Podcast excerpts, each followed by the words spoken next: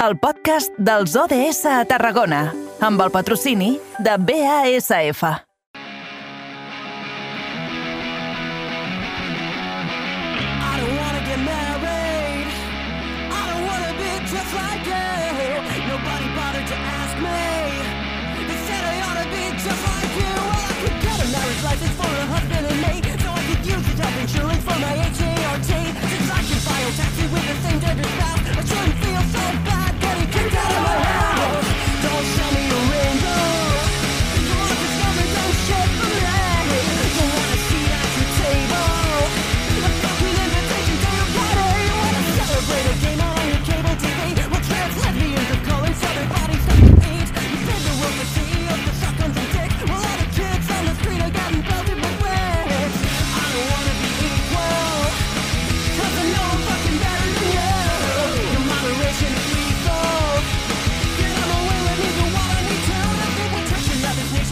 Som ja quan passen 7 minutets i mig al punt de les 6 de la tarda. El que fem nosaltres és dirigir-nos fins als estudis de BXC Ràdio perquè ahir tenim sempre puntualíssim en aquesta hora el nostre company Miquel Llevaria. I avui, atenció, quin ritme que porta en Miquel. Miquel, bona tarda, bon dimecres. Bon dimecres a tothom, i és que aquest ritme és que me- me'l fica l'Àlvaro. L'Àlvaro me diu, a Pinyón, que a Pinyón, un- hijo. És, és, és, és un crac, l'Àlvaro, el tenim allà al comandament, allò és com una central nuclear, el tenim tancat allà amb una peixera i un munt de, un munt de, de controls i de botonets i de sintonies, cascos, cables i coses. Al final, sort tenim d'aquesta gent que domina tan excel·lentment la part tècnica. Però va, no li tirem més floretes a l'Àlvaro, veure si ara eh, s'inflarà tant que, que després no sortirà per la porta. Centrem-nos amb els objectius de desenvolupament sostenible en aquesta Agenda 2030 de les Nacions Unides, aquest eh, camí que recorrem cada dia en aquesta hora des del passat mes de setembre i que ens ha de conduir a deixar un món millor, o almenys aquesta és la intenció. Ens quedem amb l'objectiu número 5 avui. Diguem-lo en majúscula, igualtat de gènere. Així és, perquè al final és que aquest era un tema que no podíem ignorar en la nostra secció dels ODS, i és que just ahir, 28 de juny, va ser el dia de l'orgull LGTBI.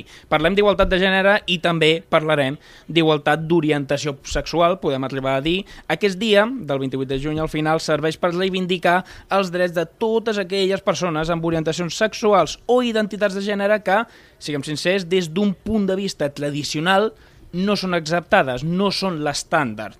Eh, a més, les agressions transfòbiques i homofòbiques en els últims anys s'han anat repetint, hem tingut molts casos que han sigut molt virals i han hagut moltes associacions i entitats que intenten treballar perquè això tingui per fi un remei. Per això el que hem fet avui hem convidat a una d'aquestes associacions del Camp de Tarragona i aquí a l'estudi m'acompanya Arnau Esteban Llobet, militant d'H2O LGTBI. Moltes gràcies per ser avui aquí.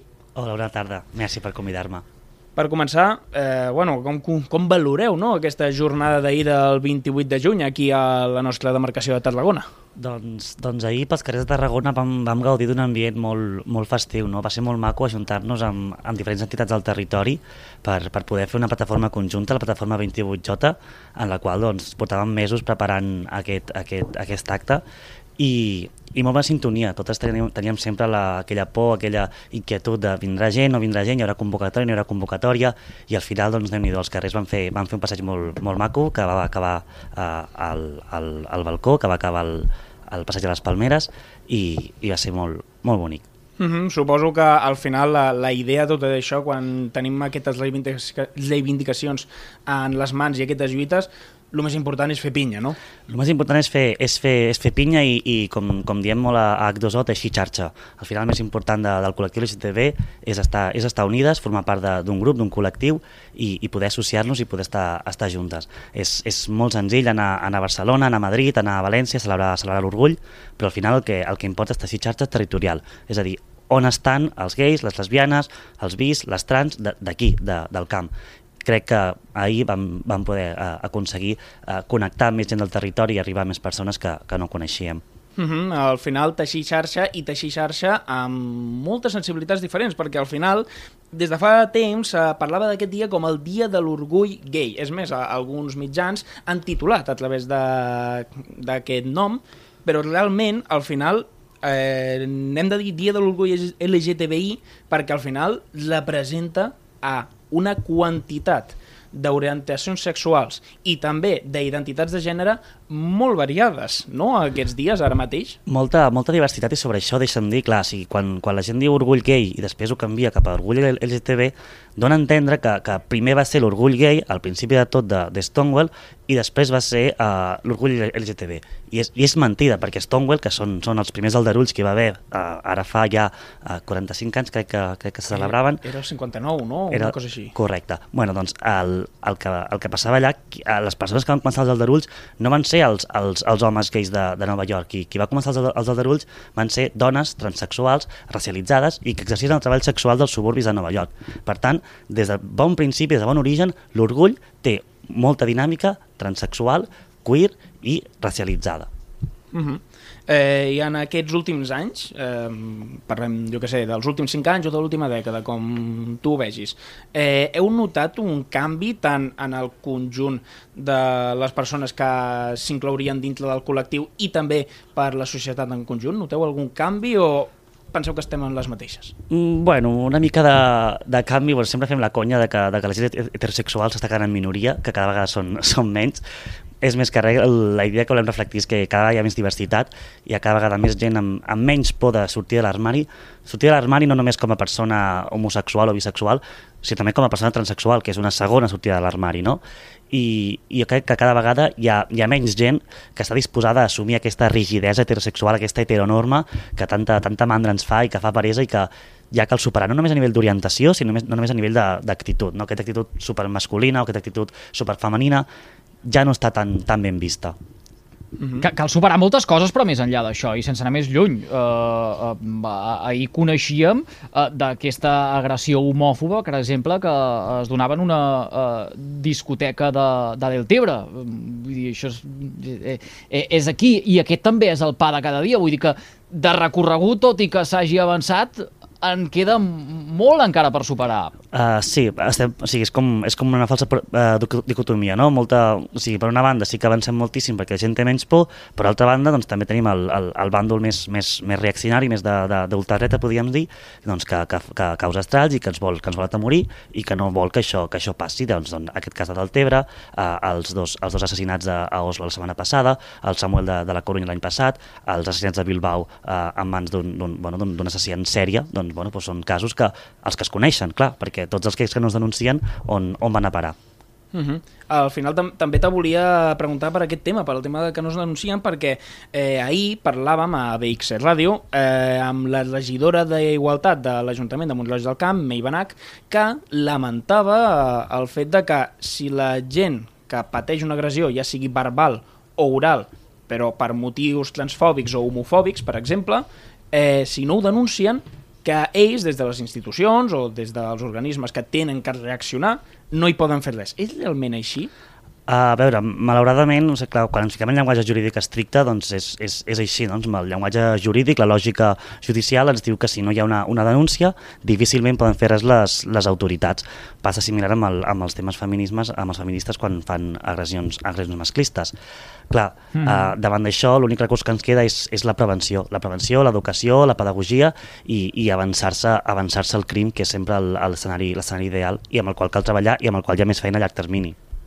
Ah, Arnau, aleshores, quin, quin hauria de ser el paper de l'administració? Tant de l'administració local com de l'administració eh, supramunicipal, com eh, eh, ja en altes esferes, eh? No sé, ara em ve el cap, per exemple, en el marc d'aquest dia de l'orgull, eh, o, o, o no només dia, eh? podem arribar a dir se- setmana eh, o, o més, Uh, ara, pel cas que conec, el Consell Comarcal del Tarragonès impulsa una campanya en què, per exemple, s'hi puguin adherir comerços i que en els seus aparadors o les seves portes, a les vidrieres, puguin uh, penjar un adhesiu uh, aquests dies, uh, ha recomanat també el Consell Comarcal que s'allargui durant molt més, uh, per tal de uh, uh, explicar, fer veure que en aquell punt hi és benvingut o benvinguda uh, qualsevol persona, pensi com pensi i sigui qui sigui però clar, és una campanya i a nivell pràctic eh, no sé com s'acaba traduint Ja. això. És a dir, els deures sobre paper els estem fent Però després, a l'hora de materialitzar-ho, home... mm, Clar, o sigui, les administracions de fer mirar, també. Fan, fan i desfan una miqueta en funció de... Nosaltres sempre, fe- sempre fem la conya no? que a partir de l'1 de, de, l'1 de juliol d'aquest d'aquest divendres, quan s'acaba el mes de l'orgull, tothom treu les banderes dels logos i tornem a començar, no sigui cas que, que ens passem que ens passem de la ratlla amb els colors. Bueno, que les administracions fan el que poden i al final lo, el que sí que és molt correcte és que tota l'administració eh, municipal, supramunicipal, contacti amb la gent, amb, amb les entitats, amb les persones que formen aquell, aquell col·lectiu. No té, res, no té sentit fer coses per nosaltres però sense nosaltres. Llavors, en, en aquest sentit, no, no, doncs, doncs, doncs això, doncs no té sentit. Uh, les enganxines dels comerços, home, evidentment, uh, ens agrada veure que hi ha espais explícitament uh, amigables amb el col·lectiu LGTB, el que es diu en anglès, no? LGTBI friendly. De fet, moltes vegades, per exemple, quan moltes de nosaltres hem de, mar- de marxar a estudiar o a treballar fora, que hem de compartir pis perquè el lloguer està, està, està molt car, clar, una de les condicions que posem sempre és sempre LGTBI friendly, com hem d'especificar, si plau que a casa nostra volem estar còmodes, no? Doncs amb els comerços, d'una banda s'agraeix d'una banda s'agraeix que, que sigui així, que com a mínim allà on vagi a, a jo a ser atès, com a mínim tinc la garantia que, que no em jutjaran o que no em criticaran o que si passa alguna cosa estaran del meu costat. Com, a mínim s'agraeix, sí. Eh, eh, ara que feies servir aquesta terminologia, no?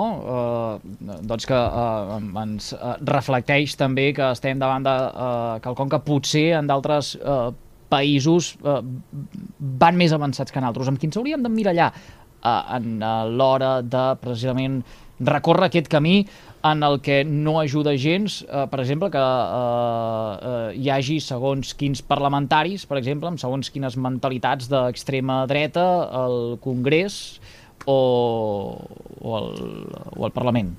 Bueno, mirallar-nos sempre, sempre està bé comparar-se o no comparar-se, però lo, el, el millor mirall que, que podem trobar sempre és en, a nosaltres mateixos. No? Espanya fa, fa uns anys ocupava la posició 2, el, el top 5 del rànquing de, de, de, de països eh, eh, positivament eh, amigables amb el col·lectiu LGTB de- d'Europa i ara ha caigut fins la, a la, la onzena posició no ha caigut tant per un retrocés de drets, sinó per un estancament, no? que no hem anat més enllà, que després de, de, del matrimoni igualitari, després de les polítiques eh, que, que s'han anat implementant i que a poc a poc, sí, almenys sobre el paper, sembla que existeix la igualtat, sobre el paper, doncs, mm, des, doncs després d'això doncs, ja no hi ha hagut res més i la llei trans doncs, topa amb aquesta, amb aquesta gent, amb aquests parlamentaris que, que, que suposen a, aquesta igualtat, que recordem, parlamentaris que no només venen de l'extrema dreta, també hi ha persones que són, que són transexcloents, que neguen les realitats trans, que venen de, de molts cercles de, de, de l'esquerra, del progressisme. Uh -huh, uh, suposo, suposo que al final tot això és com sempre se diu de que s'acaba a través de l'educació, a través d'explicant-ho, a través de, sobretot explicant-ho a les noves generacions, als més petits, que són com esponges, ho, ho entenen, entenen molt més del que moltes vegades creiem, perquè creiem que és un tema molt complex, però quan agafes i els expliques, realment ells t'escolten i, i entenen no, uh, el que els estàs explicant, però a la vegada també ens trobem a, amb, amb aquestes reaccions, no? amb reaccions de que quan intentes explicar aquests temes a certes persones joves o, i fins i tot quan es planteja la idea de portar això a les escoles, se critica com si fos adoctrinament. Realment, eh, com, com es combat contra aquesta crítica de que segons ells eh, això és adoctrinament? Buf, clar, és que l'educació sexual de gènere és, que evidentment és un tema molt, no és un tema polèmic, és un tema que simplement no agrada ficar sobre la taula, perquè és un tema que, que, que, exist, que ha d'existir per, una, per una bona salut. Si, si no hi ha aquest tema, no hi ha salut. És, no, hi ha, no hi ha salut reproductiva, no hi ha salut sexual, no hi ha salut de, de, de fer servir preservatius, per exemple, i, i hi ha, com, com sempre, la por de la mateixa gent conservadora, dels mateixos, doncs, el, el, el feixisme, els més, els més doncs, liberals, com vulguis dir-los, que, que, bueno, que, que, que s'hi oposen.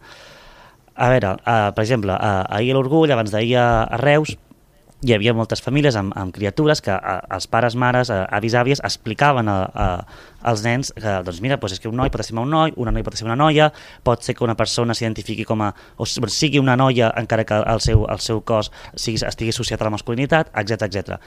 I les, la, la infància ho entén perquè tenen un, un, un, bueno, tenen un, una habilitat molt, molt bona que és tenir una actitud comprensiva. O sigui, el, les criatures el que volen és aprendre i tenen són esponges que, que, com has dit tu, volen aprendre i estan disposades a aprendre. La gent més gran ja es fa, doncs, o, o potser més, més testaruda o més, o més tal, més, més reàcia a, als canvis i ja els hi costa una miqueta més de, de fer aquest, aquest exercici.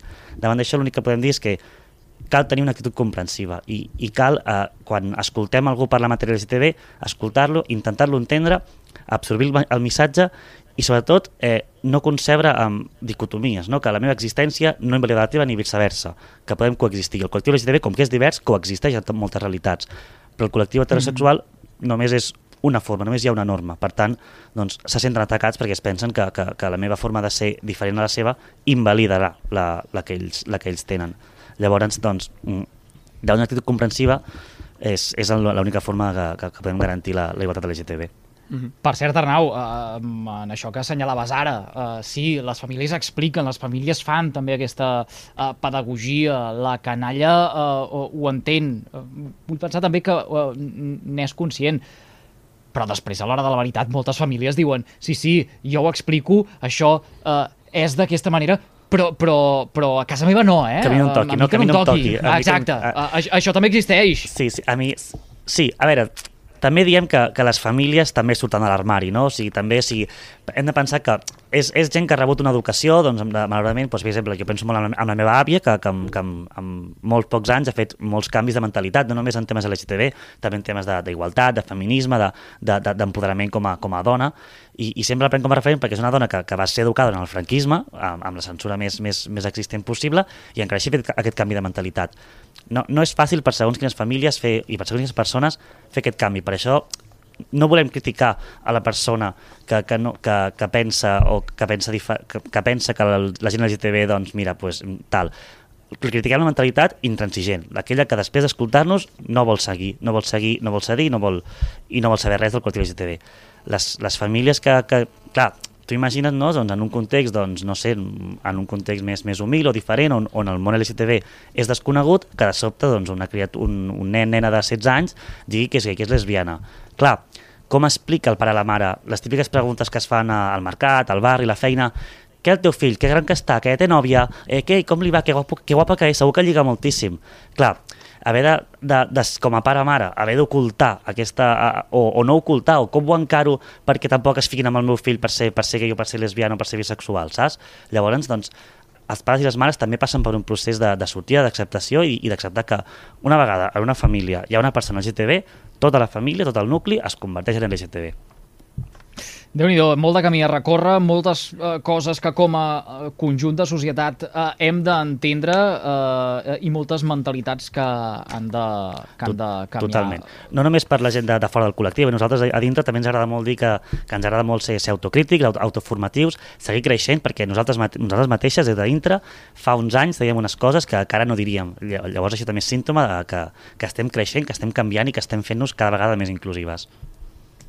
Arnau, moltíssimes gràcies per compartir-ho avui amb tots nosaltres. Merci. Uh, ho, ho, ho fem a posteriori, uh, és a dir, no pròpiament el 28, però em recolzo amb allò que deies tot just fa un momentet, eh? Al final que uh, els colors de la bandera de l'Arc del Sant Martí no cal que a final de mes desapareguin del perfil que tenim a les xarxes socials, i això ens incorporem també nosaltres, que més enllà de uh, jornades com, per exemple, o de mesos, com, per exemple, aquest uh, uh, mes de juny, uh, tractem aquells assumptes que de vegades potser eh, queden relegats a unes dates molt concretes. Per Totalment. tant, eh, els, de, els deures, el, el repte que també és nostre, el dels Sí, mitjans sí, sí. de, de sobretot per, per saber que, a part del, del, del mes de l'orgull, hi ha molts altres dies que fan, que fan memòria i fan referència al col·lectiu LGTB. No? El 31 de març és el dia per la visitat trans, també hi ha un dia per la visitat lèsbica, també hi ha un dia contra les, les LGTBI-fòbies, el 17 de maig.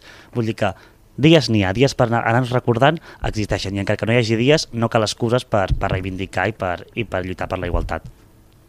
Arnau Esteban, eh, militant d'Actos O, gràcies per compartir amb tots nosaltres. Que vagi molt bé, bona tarda. Gràcies, bona tarda.